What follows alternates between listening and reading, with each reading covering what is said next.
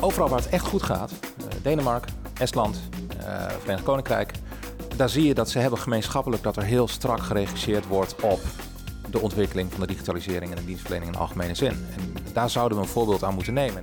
Um, als je kijkt naar de score van Nederland in de internationale onderzoeken, dan zie je eigenlijk dat Nederland over het algemeen in de top 5 zit wereldwijd. Dat was top 3. Ik, ik, denk dat het probleem niet zit in het gluren bij de buren in het buitenland. Want dat, dat doen we juist heel veel vanuit Nederland. Maar uiteindelijk doen we er niks mee. Welkom in de publieke ruimte. Een podcast over prangende vragen en taaie dilemma's die komen kijken bij een betere publieke dienstverlening. De plek waar nieuwe perspectieven een podium krijgen. Welkom, welkom in de publieke ruimte. We gaan het vandaag hebben over uh, de publieke dienstverlening in internationaal perspectief. Uh, Otto, terug van vakantie. Zeker. Nog veel uh, gezien in internationaal perspectief uh, wat dat betreft uh, publieke dienstverlening. Waar was je? nou, ik was eerder dit jaar in Costa Rica. Ja?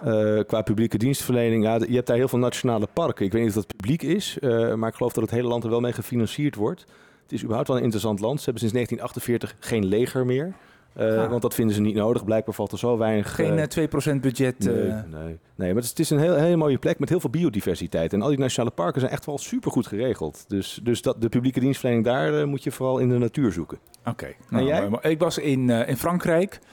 En ik, uh, waar ik me, uh, wat ik eigenlijk positief verrast door ben, is dat die publieke dienstvereniging eigenlijk, ik ging daar vroeger heen met mijn ouders in een Opel Kadett uh, zonder, met, met de Arco aan, zou ik maar zeggen. en en, en langs, langs de wegen waarvan je dacht, daar wil ik eigenlijk helemaal niet zijn. En nu is het smooth door het land en verder heerlijk, prima. Ja. Ha, dus we zijn uitgerust en we kunnen weer een nieuw seizoen maken. We, we kunnen weer van start. Wat fijn. Nou, laten we eens eventjes kijken, want vandaag uh, gaan we het hebben over internationale voorbeelden. Wat kunnen we leren van de publieke dienstverlening in het buitenland? De staat van de uitvoering heeft hiervoor voor de zomer een interessant rapport over gepubliceerd. En daarin staan inspirerende voorbeelden uit andere landen. Uh, in internationaal perspectief zien we dat onze publieke dienstverlening hier in Nederland het best goed doet. Bijvoorbeeld ook op het terrein van effectiviteit van beleid, een internationale concurrentiepositie. Maar er valt vast ook wel iets op af te dingen. Nou, sommige dingen kunnen echt wel wat beter. Hoor. Voor de feitelijke uitwerking van beleid op de burgers is bijvoorbeeld uh, minder Veel minder dan in andere landen betrekken we onze burgers bij de ontwikkeling van uh, digitale dienstverlening. En uh, meer dan andere landen neigen we naar een verkokering tussen uitvoering en beleid. Bovendien lijkt het erop dat we vaker in de valkuil stappen dat we op basis van onze beleid uh, en uitvoeringskennis denken te weten wat de burgers en ondernemers nodig hebben. Dus wij, denken eigenlijk van nou, we hebben het bedacht, dan gaan zij het ook gewoon doen. Kortom, welke perspectieven biedt het buitenland ons op de, om de publieke dienstverlening in ons land, in Nederland, te verbeteren? Ja, ja dat, uh, dat gesprek gaan we voeren met twee gasten. We zitten hier bij bureau Haagse Beek. We kijken uit over het plein. De, de geuren van de internationale keuken die, die, stromen al langzaam door het raam naar binnen. En de geluiden ook af en toe. Dus, uh... Ja, dus mocht je dat horen, dan weet je hoe dat komt. Um, onze eerste gast die is specialist op het gebied van publiek leiderschap, innovatie en besturingsvraagstukken bij Bureau Haagse Beek. Hij schreef er een boek over onder de titel Van indammen naar laten instromen. Sorry, ik zeg het helemaal verkeerd. Van indammen naar laten stromen. En hij heeft een groot aantal internationale voorbeelden in kaart gebracht voor het onderzoek naar internationale voorbeelden voor de staat van de uitvoering. Menno Spaan, van harte welkom in de publieke ruimte. Dankjewel. Um, welke van die perspectieven heeft je het meest verrast zonder hem helemaal toe te lichten? Je had het net over Costa Rica, daar ben je op vakantie geweest. Ja. In Costa Rica heeft men um, het voor elkaar gekregen om 40% meer bos 40% uh, tot stand meer. te brengen. En dat heeft men gedaan door de boeren verantwoordelijkheid te geven voor natuurbeheer. En dan op zo'n manier dat als jij op onvruchtbare grond aan het boeren bent... en het dus ook eigenlijk heel onrendabel is... je baat hebt bij een subsidieregeling... Uh, dat hebben ze tientallen jaren lang gedaan. En dat heeft ervoor gezorgd dat, uh, in tegenstelling tot alle andere landen ter wereld, uh, in Costa Rica, ja, dit is gebeurd. Wow. En daar kunnen wij van, in Nederland van leren. En waar zit de sleutel dan van dat succes? Um, de sleutel zit erin dat zij dat toen hebben gedaan, lang geleden, en gewoon hebben vastgehouden. En altijd zijn blijven doen. ook omdat die boeren ja, ook zeg maar in hun stemverhouding een belangrijke rol kregen. Um, en tientallen jaren lang hetzelfde beleid. Um, ja, en een boom vind ik heel mooi. Een boom die in een agrarisch landschap staat, is niks waard. Totdat je hem omhakt en dan kan je hem verkopen. Of dan kan je meer uh, agrarische bedrijvigheid tot stand brengen. Uh, degene die dat toen daar geactiveerd heeft, die zei: Ja, een boom hebben wij nu waarde gegeven. en het zorgen voor die boom, ja, daar krijgt men dan voor betaald. Ja, interessant. Uh, onze tweede gast uh, was jarenlang een van de bekende gezichten van het Center for E-Government Studies en aan de Universiteit Twente en heeft ruim 50 wetenschappelijke artikelen op zijn naam staan. Naast onderzoek geeft hij ook advies over verbetering uh, van dienstverlening aan verschillende overheden. En inmiddels woont en werkt hij vanuit Londen aan onderzoeken en programma's over ja, omni-channel concepten. Wat zijn het eigenlijk? Ja, omni-channel concepten. Goedemorgen. Ja, dat weten we eigenlijk nog niet helemaal. Uh, we, zijn daar druk mee aan het nadenken. Het is een, een term die, uh, die je veel leest in de marketingliteratuur. Van nou, we moeten van multichannel dienstverlening naar omnichannel dienstverlening. Ja. En in de kern gaat het vooral over, ja, we willen de naadlijst van de klant zo goed en zo naadloos, soepel mogelijk laten verlopen. En we willen ervoor zorgen dat de burger onafhankelijk van het kanaal uh, altijd hetzelfde antwoord krijgt. Ah, ja. Daarmee gaan je kanaaltjes, die schuiven steeds meer in elkaar en wordt steeds holistischer en daarmee omni channel. Ah. Dat zou het moeten zijn. Maar ik, ik, zat nog, ik zat nog midden in mijn introductie trouwens. Uh, want eh, daarnaast, uh, Willem Pietersson, want die hoorde je al, is hij ook nog actief voor de Europese Commissie met het project over de inzet van AI in de dienstverlening gericht op chatbots en ChatGPT. Dan ben ik even helemaal volledig. Willem, welkom. Dankjewel. officieel in de publieke ruimte. jij woont en werkte ook in Londen. Klopt. Chicago ook gewoond en gewerkt. Ja. dus gewoon internationaal. Als, als je dan al die um, andere plekken waar je hebt gewoond en gewerkt uh, naast elkaar legt. Wat is nou eigenlijk, waar is de publieke dienstverlening nou het uh, beste voor elkaar? Uh, nou, als je kijkt naar mijn persoonlijke ervaring, dan zou ik toch zeggen dat het Verenigd Koninkrijk uh, het wat betreft de digitale voorkant wel heel goed geregeld heeft. Dus we, kennen bijna allemaal een gov.uk, de centrale website van de Britse overheid. Ja, en dat werkt echt als een tierenlier. Dus wat je ook wil regelen, je gaat naar één plek en je bent daar klaar. En je wordt daar gewoon goed geholpen. Uh, dus in mijn persoonlijke ervaring is, vind dat ik wel een, een, een lichtend voorbeeld waar we in Nederland echt iets van zouden kunnen leren. We zeiden het al, Nederland doet het ten opzichte van andere landen nog helemaal niet zo slecht. Uh, even een paar zaken op een rijtje. Uit internationaal onderzoek blijkt dat de Nederlandse bevolking tot de groep behoort met het grootste vertrouwen in de overheid. In het buitenland is het percentage ongeveer 40%, in Nederland 50%.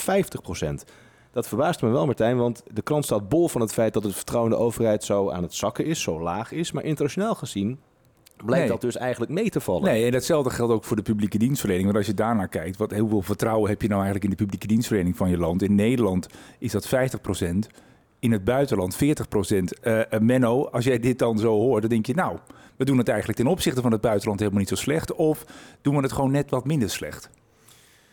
Um, als je kijkt naar de score van Nederland in de internationale onderzoeken, dan zie je eigenlijk dat Nederland over het algemeen in de top 5 zit, wereldwijd. Um, dat was top 3. Dus we zijn een klein beetje weggezakt.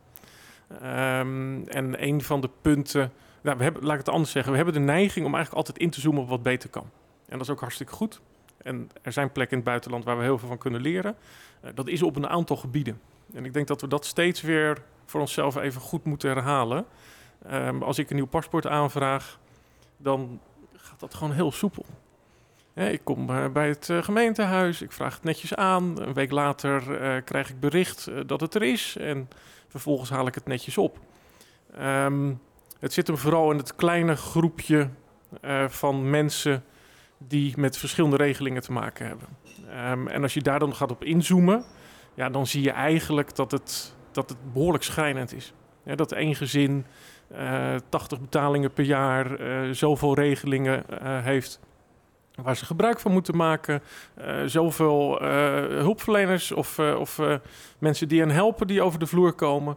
Um, en dat is dan een gezin dat um, ja, in een positie is waarin ze kwetsbaar zijn.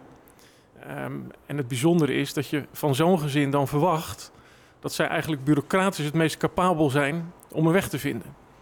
Ja, en daar zit volgens mij het stukje schrijnendheid uh, waar we een beetje aan het overorganiseren zijn. Dat, is, dat gaat slechter dan uh, in, het, in, in andere landen bijvoorbeeld? Die hebben dat beter op elkaar afgestemd? Nou, niet, zeker niet in alle landen. Maar als ik kijk naar uh, de plekken waar wij um, um, onderzoek hebben gedaan... Ja, daar zie je dat dat gewoon op een fantastische manier is ingericht. En dat men echt is begonnen aan de buitenkant bij de doelgroep en dat is iets waar we in Nederland niet zo heel goed in zijn. Nee, klopt. Want dat zagen we ook wel terug in, eh, in die special van Staat van de Uitvoering. Daar wordt onder meer gesproken over een onderzoek waarin blijkt dat we het heel goed doen op het stukje good governance. Ook zo'n prachtige Nederlandse term. En daarmee bedoelen we bijvoorbeeld dat we heel goed zijn in ons, in ons te verantwoorden. In de politieke stabiliteit, in de effectiviteit, in de rechtszekerheid. Allemaal van die, die lekkere harde waarden hè, die het heel goed doen voor mensen die het allemaal begrijpen. Ehm, dus dus in, in dat soort scores eh, gaat het heel aardig. Maar hoor je dus eigenlijk zeggen, dus, dus op die, voor die groep die kwetsbaar is, Ja. daar verwachten we eigenlijk misschien net iets te veel bureaucratische vaardigheid van. Ja, dat is natuurlijk. en- en Even als voorbeeld om gelijk naar een van die succescasussen te springen. In Denemarken is het uitgangspunt dat je als burger niet hoeft te weten hoe de overheid werkt. Oké. En als ik hier in Nederland een probleem heb en ik bel het UWV, dan zegt het UWV, ja, dan moet hij niet bij mij zijn, maar dan moet hij bij de Sociale Verzekeringsbank zijn. Bijna met het gevoel van, ja, hoe, hoe kunt u dat nou niet weten? Ja. Dat gevoel, dat kennen we allemaal. Dat gevoel van die doorverwijzing. Nou, dat is iets in Denemarken waar men zegt, nee, ehm, er is een voorkant. En met name ook vergaand gedigitaliseerd. Mhm.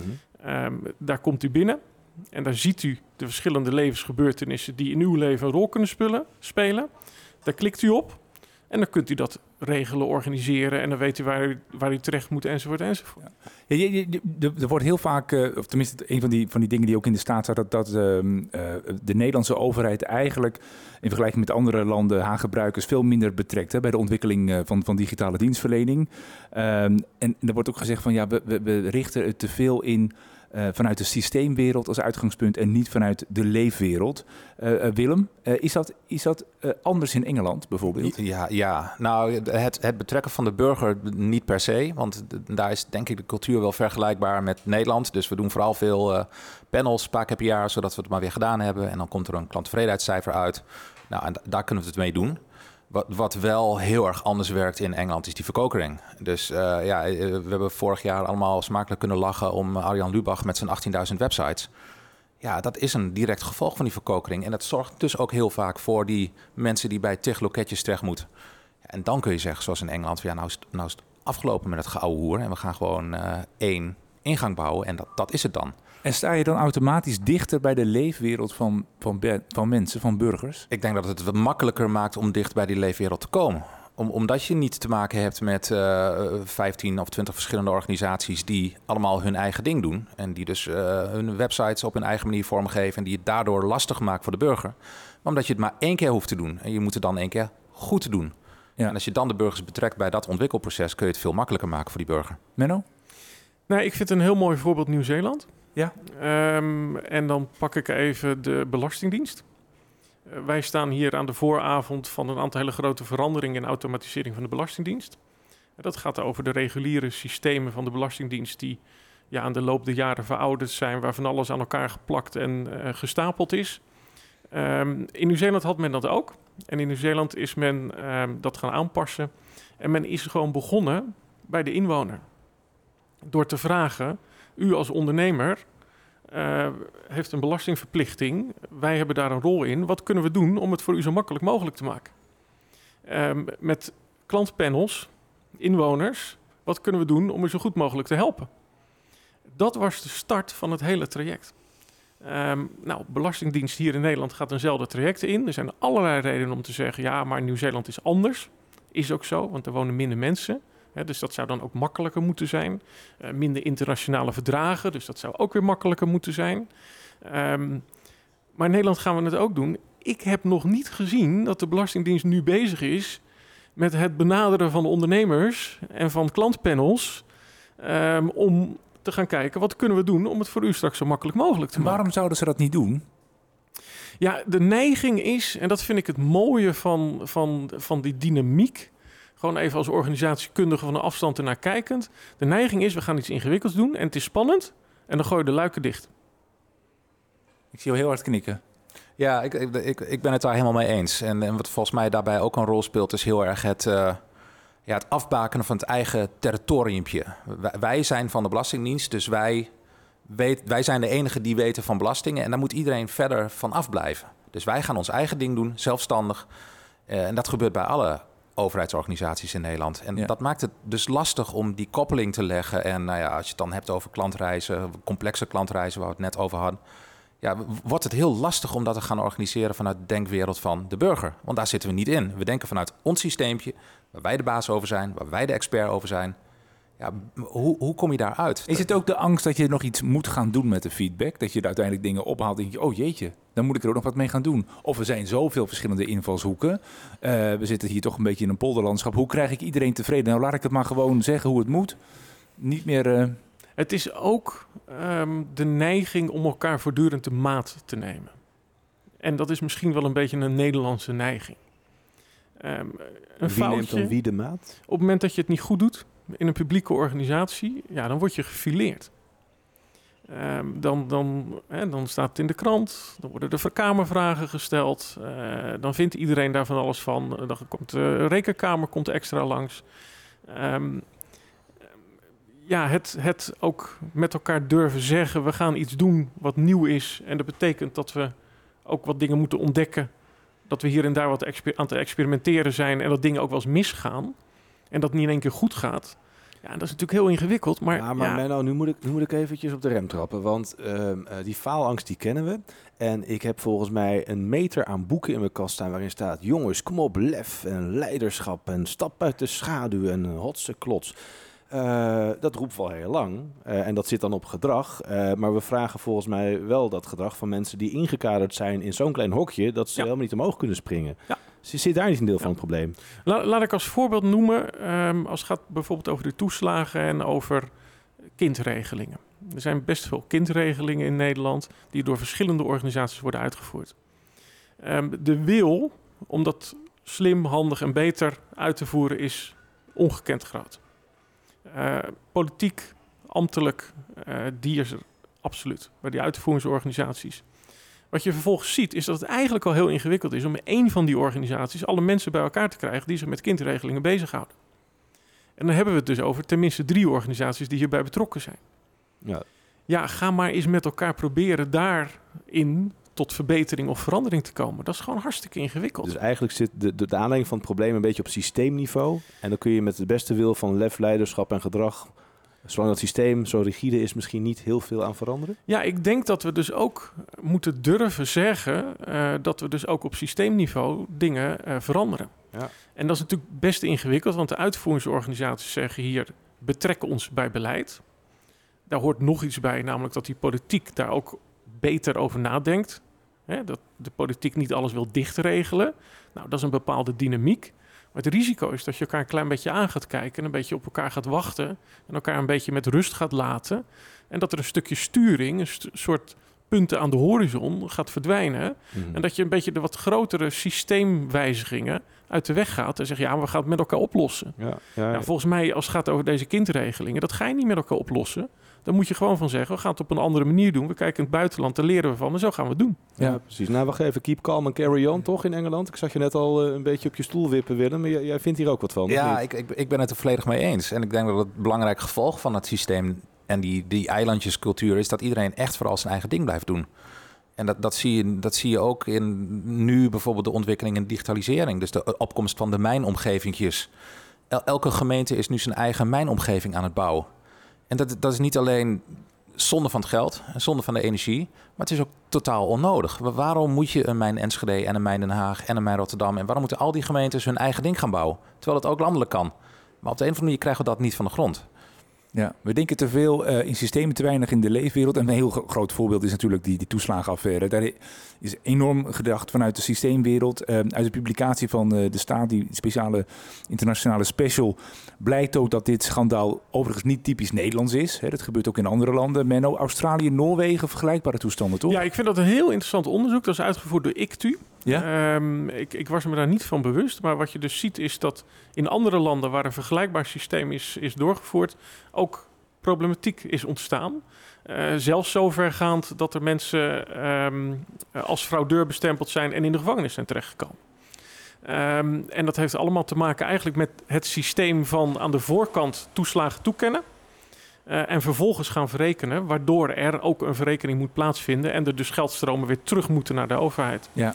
Ehm, en het is een groot mate van, grote mate van ehm, automatisering. En als er dan ergens iets misgaat, ja, dan is dat in die automatisering heel lastig zichtbaar. Eh, dat voel je niet.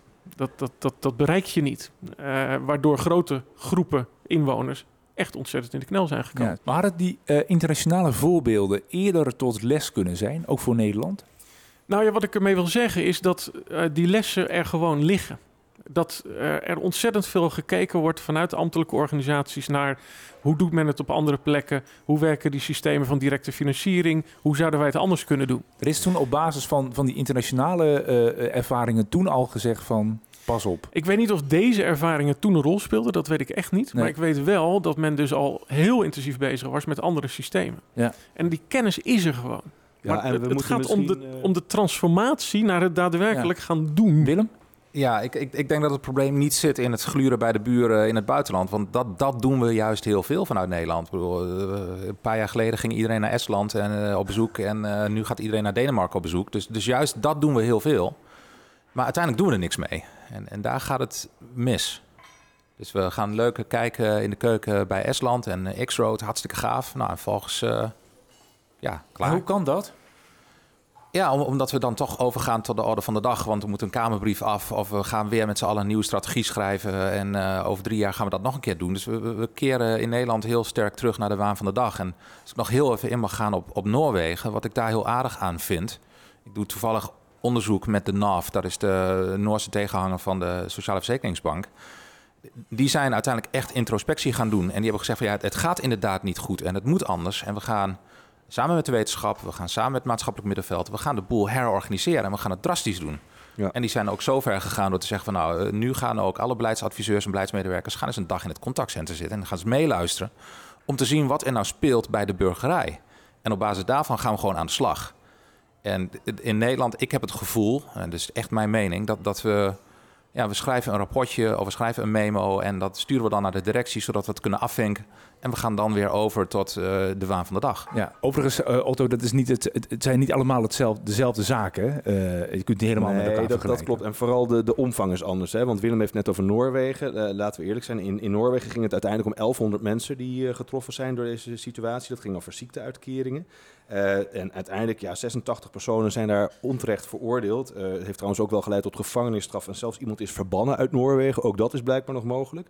Maar uh, dit zijn iets andere aantallen misschien dan in de Nederlandse situatie. Het Australische voorbeeld daarentegen, dat is wel echt groot. Dat ging uiteindelijk om 500.000 mensen die hierin uh, geraakt zijn. Dus dat is eigenlijk nog veel groter dan Nederland als je kijkt naar aantallen. Maar daar heeft de overheid van gezegd, we gaan een groepschikking treffen... ter waarde van 1,2 miljard Australische dollar... En de mensen die thuis meerekenen, dat is 750 miljoen euro. Um, dus je ziet wel dat er uh, hele verschillende schaalniveaus zijn waarop dit soort ja, geïnstitutionaliseerde problematiek ontstaat. Maar de, de, de achterliggende principes lijken wel vaak hetzelfde.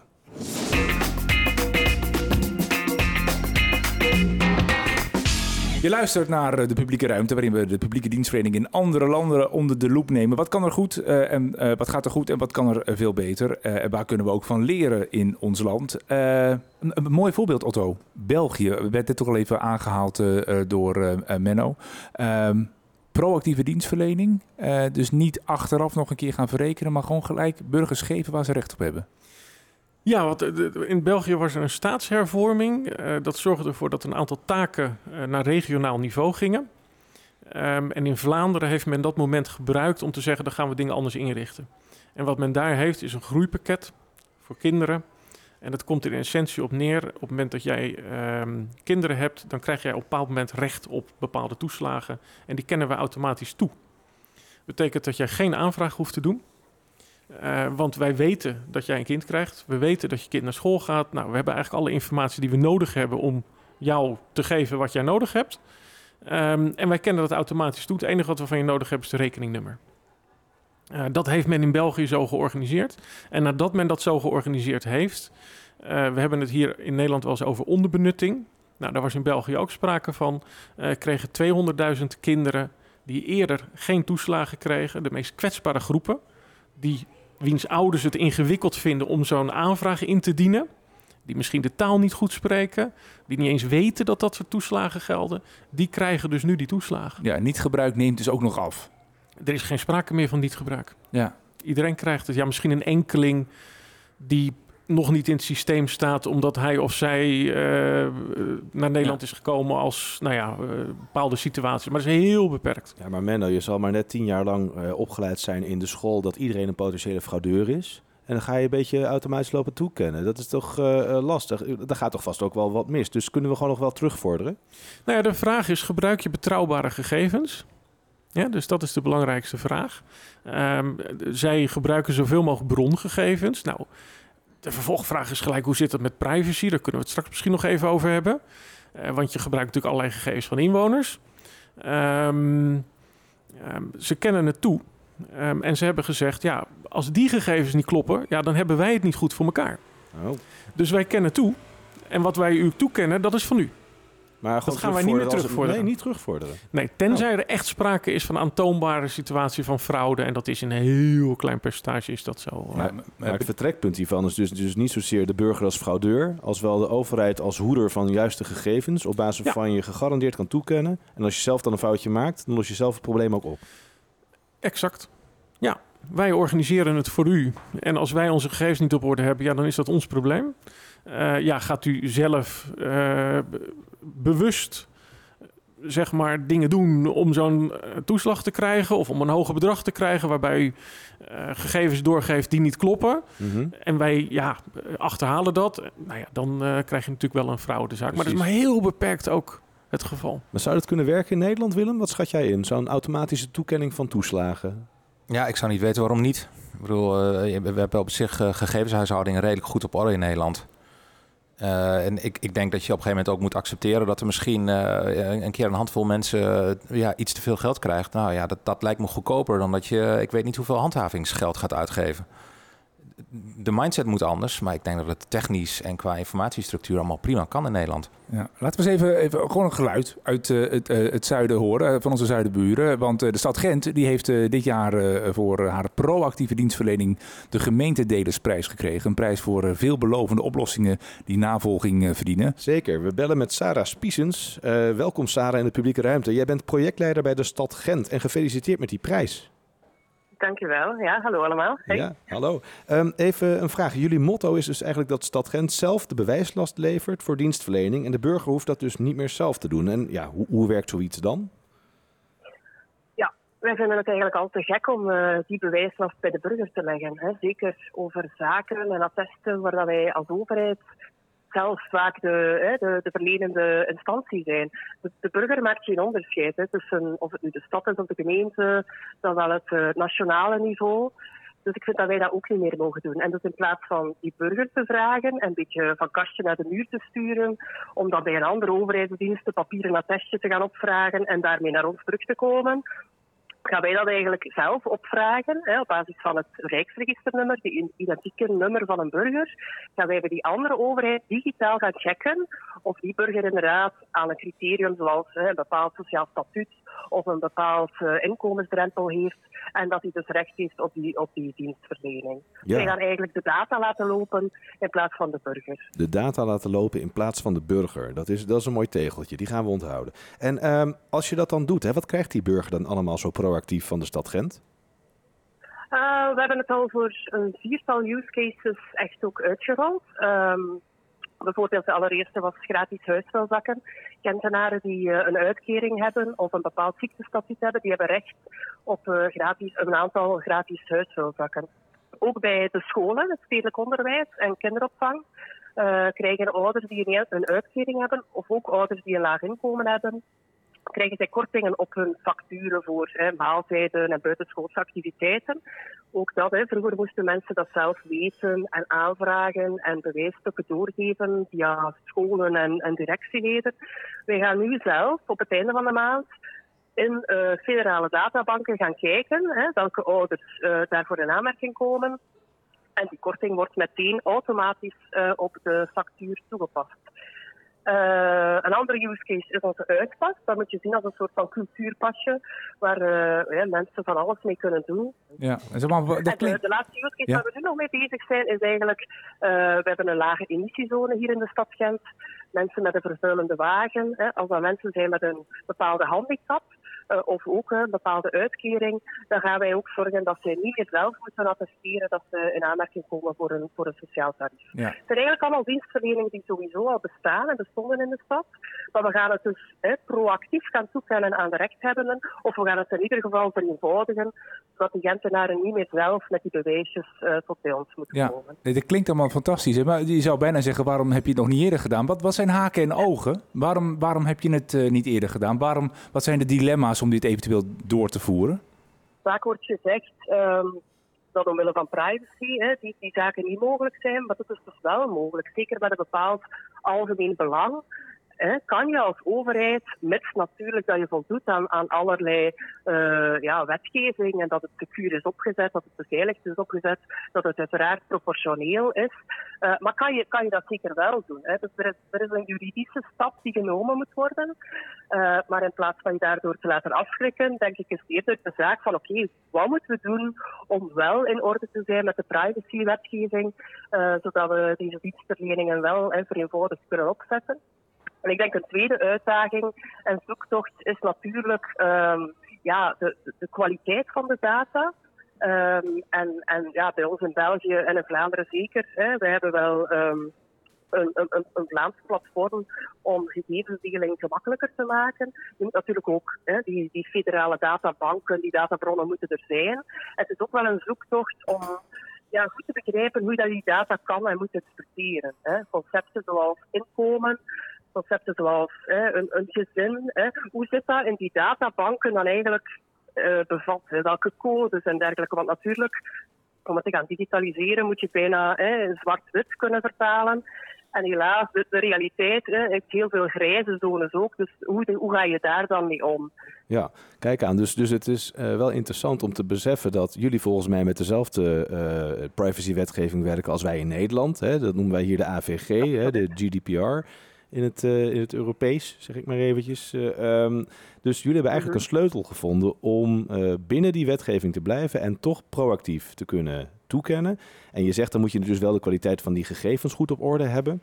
Hè, want, ja. want je baseert je daarop. Um, misschien tenslotte, um, was daar bestuurlijk ook eigenlijk aandacht voor? Of zeiden ze, jongens, doe dit lekker onder de motorkap en we horen wel of het lukt? Of was dit nou ook iets waar je het bestuur van de stad Gent in meekreeg? Ja, absoluut. Uh, het staat echt ook wel in de beleidsnota van onze stad als doelstelling beschreven. Wij willen een innovatieve stad zijn. Wij zetten echt wel in op digitalisering. Maar ik voel dat dat bij ons echt ook wel een sociale component heeft. Hè. Ook alle use cases die we nu um, als eerste opgezet hebben, zijn echt wel gericht naar die kwetsbare doelgroepen. Hè. Die, die gekend zijn bij, bij andere overheden. Hè. Mensen met een laag inkomen, mensen met een bepaald tarief.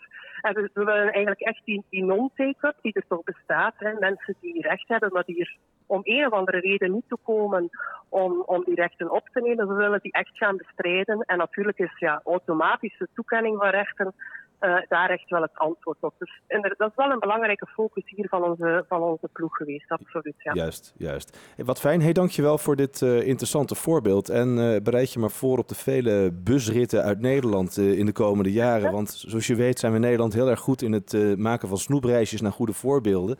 En ik moet zeggen Ja. dat Gent ligt toch wat dichterbij dan, dan Estland. Dus uh, de, de, kans dat je binnenkort de nodige Nederlanders op bezoek uh, krijgt is groot, verwacht ik. Absoluut, jullie zijn zeker welkom. Mooi, Mooi Ja. we, we komen langs. Dankjewel. Sarah Spiesens, projectleider van de stad Gent. Uh, de data laten lopen in plaats van uh, de burger. Menno, uh, Willem, uh, prachtige kreet hè? Ja, geweldig. Ik, ik, ik zou zeggen doen. Uh, alles wat je aan de achterkant kunt regelen, zodat de burger er aan de voorkant geen last van heeft. Ja, dat, dat zou eigenlijk een no-brainer moeten zijn. Ja, en toch doen we het niet, Menno. Ja, het eerste wat we roepen, dat kan niet in verband met de privacy. Ehm, wij hebben speciaal daarom ook die privacy gewoon eens heel erg goed uitgelicht. Dus al die casussen die in de staat van de uitvoering staan, eh, die staan ook allemaal op een website met webinars erbij. En een van die webinars zijn we daarop ingegaan.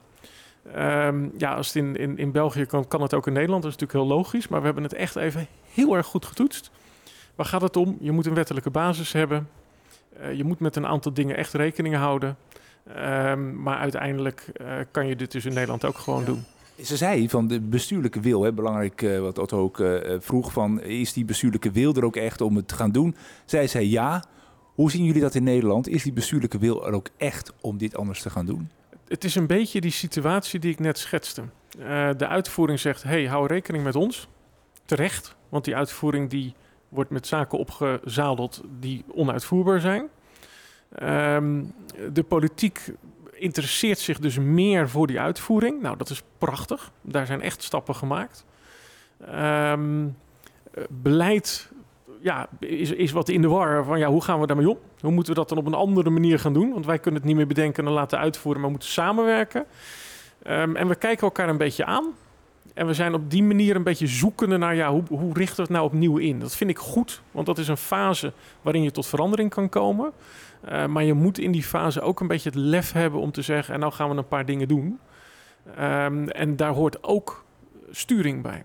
En ik denk dat die sturing, uh, dat die um, ja, dat die ontbreekt. Wat voor soort sturing moeten we aan denken, Willem?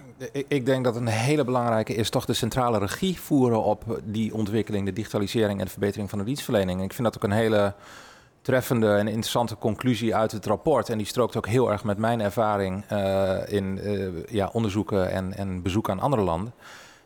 Overal waar het echt goed gaat, Denemarken, Estland, Verenigd Koninkrijk, daar zie je dat ze hebben gemeenschappelijk dat er heel strak geregisseerd wordt op de ontwikkeling van de digitalisering en de dienstverlening in de algemene zin. En daar zouden we een voorbeeld aan moeten nemen. En tot nu toe is het, ja, die centrale regie is er niet. Het is versnipperd. En wie, wie moet dat nemen? Is dat een, een politiek iets? Is dat een beleidsmatig iets? Is dat een, een, een spelletje tussen uh, Rijksoverheid en medeoverheden? Waar, waar, waar moet die regie ja, worden belegd? Allemaal. Kijk, het, traditioneel kijk je als het gaat om de burgerdienstverlening naar het ministerie van Binnenlandse Zaken, die uh, daar in, in, een grijs verleden best wel aardig op geregisseerd hebben. Dat tegenwoordig in mijn optiek ietsje minder doen. Uh, en, en, dan zie je dat het gaat versnipperen. Dus de VNG, uh, ja, die zijn heel erg druk nu uh, in gemeenteland. de uitvoerders zijn druk met zichzelf. Nou, en daar wil je een soort schilletje overheen gaan leggen. En dan, dan kijk je toch heel snel naar de departementen om dat te gaan organiseren.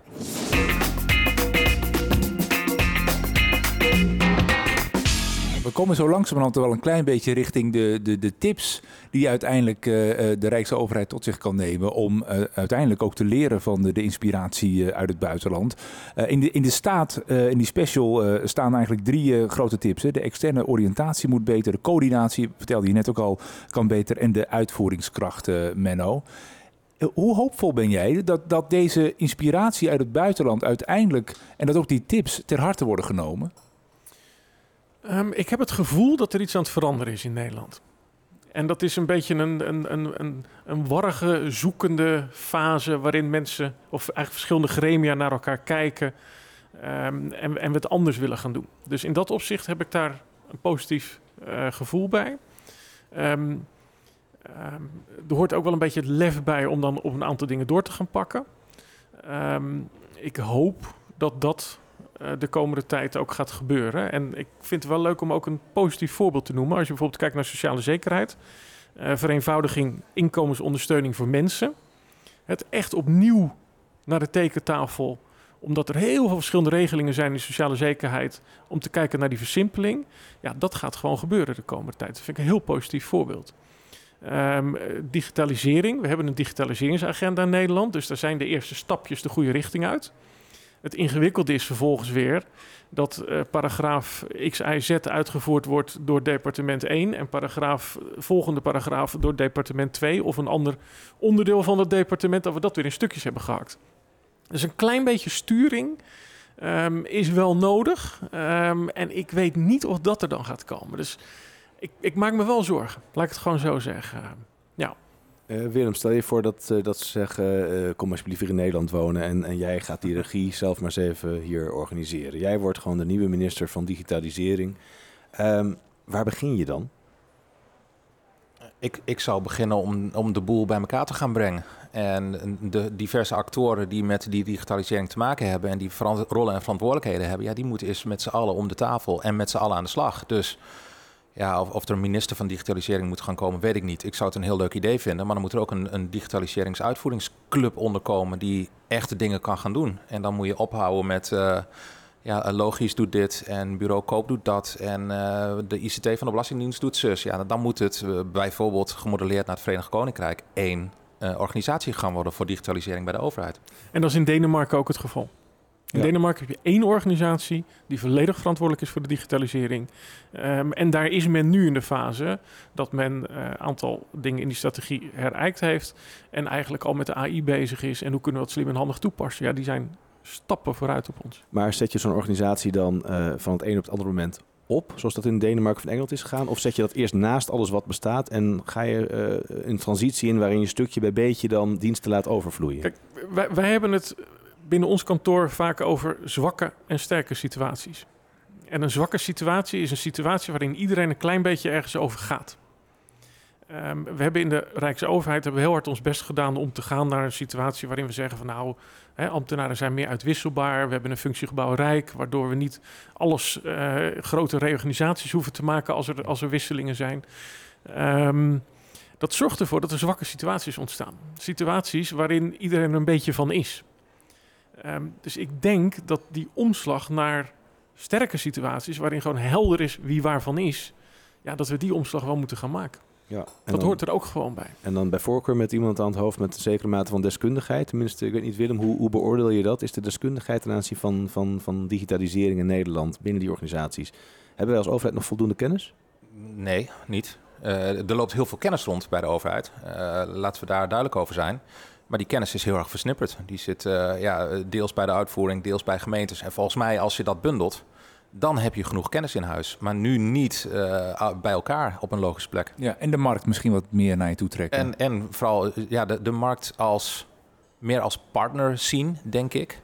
Eh, en, en minder als partij waar we het naar uitbesteden, die het dan maar mag gaan draaien. Nou ja, misschien een oproep. Ehm, de verkiezingen komen eraan. Dat betekent dat elk departement zich gaat voorbereiden. En in dat voorbereiden wordt er nagedacht over beleid en wat voor nieuw beleid passend zou zijn om problemen op te lossen. Als je kijkt naar de staat van de uitvoering, daar staat doe het samen met de uitvoeringsorganisaties. Nou, dat lijkt me hartstikke goed. Ik kan me voorstellen dat departementen dat nu ietsje meer doen dan daarvoor. Eh, er staat ook doe het met beleid. Ehm, maar laat nou die politiek daar ook gewoon eens over meedenken. Dus heb nou gewoon eens het lef om echt die verbinding te maken op een aantal van die hele grote onderwerpen. En laat politiek, ambtelijke leiding en die uitvoering gewoon eens bij elkaar gaan zitten en zeggen: joh, die toeslagen. We zitten hier met alle gremia aan tafel. En laat er ook een aantal ervaringsdeskundigen bij aansluiten. We zitten hier met alle gremia aan tafel. Als we dit nou op moeten lossen, wat zijn nou de hoofdlijnen? Nou, laat die daar eens uitkomen. Nou, dan hebben we het misschien over dat inhoudelijke debat waar Pieter Omtzigt het ook over heeft. Hè? Dus niet die one-liners, maar gewoon iets oplossen met elkaar. Laat die nou eens een aantal hoofdlijnen trekken. Politiek kan dat verdeeld zijn, prima. Dan heb je een aantal keuzes. Maar laat dat nou eens de input zijn voor een eh, formateur straks. Ja, en met inspiratie uit het buitenland. Ik heb wel de indruk, als ik dit zo allemaal beluister, hè, dat, dat we toch in 2005 hadden we een boekje. Willem weet welke ik bedoel. Dat heette De Belgen doen het beter. Daar werden congressen aan besteed. En dan zaten we allemaal met schaamrood op de kaken te, te kijken naar onze zuidenburen. En ook anno 2023 komen we toch weer met een aantal goede voorbeelden uit Vlaanderen. Het is toch mooi om te zien eh, dat het gidsland misschien dichterbij ligt dan we dachten. Eens, ik ben het helemaal mee eens. Nou, ik weet het goed gemaakt, Otto. Wij gaan proactief naar België. Zeker. Nou, niet meer twijfelen over België. Dank Dus jullie wel. Dank jullie zeker. Graag gedaan. Dit was de Publieke Ruimte, een podcast over het verbeteren van publieke dienstverlening. Naast mij zit Martijn Grimius, mijn naam is Otto Tors. Met dank aan onze gasten hier aan tafel, Menno Spaan en Willem Pietersson. En natuurlijk ook Sarah Spiesens uit Stad Gent. Wil je de voorbeelden nog eens teruglezen? Dat kan. De praktijkvoorbeelden van de staat van de uitvoering die kun je onder meer vinden in de publicatie, maar ook op de website haagsebeek.nl slash innovatinggovernment. Daar staat nog veel meer informatie over de casuïstiek die ook hier te sprake kwam. Stad Gent voorbeeld kun je vinden op de website van gemeentedelers van de VNG. Vond je deze podcast interessant? Deel deze dan met collega's via social media en geef een reactie in de comments. Abonneer je op ons kanaal, dan krijg je vanzelf de nieuwste aflevering in je favoriete speler aangeboden. Graag tot de volgende keer. Tot de volgende keer.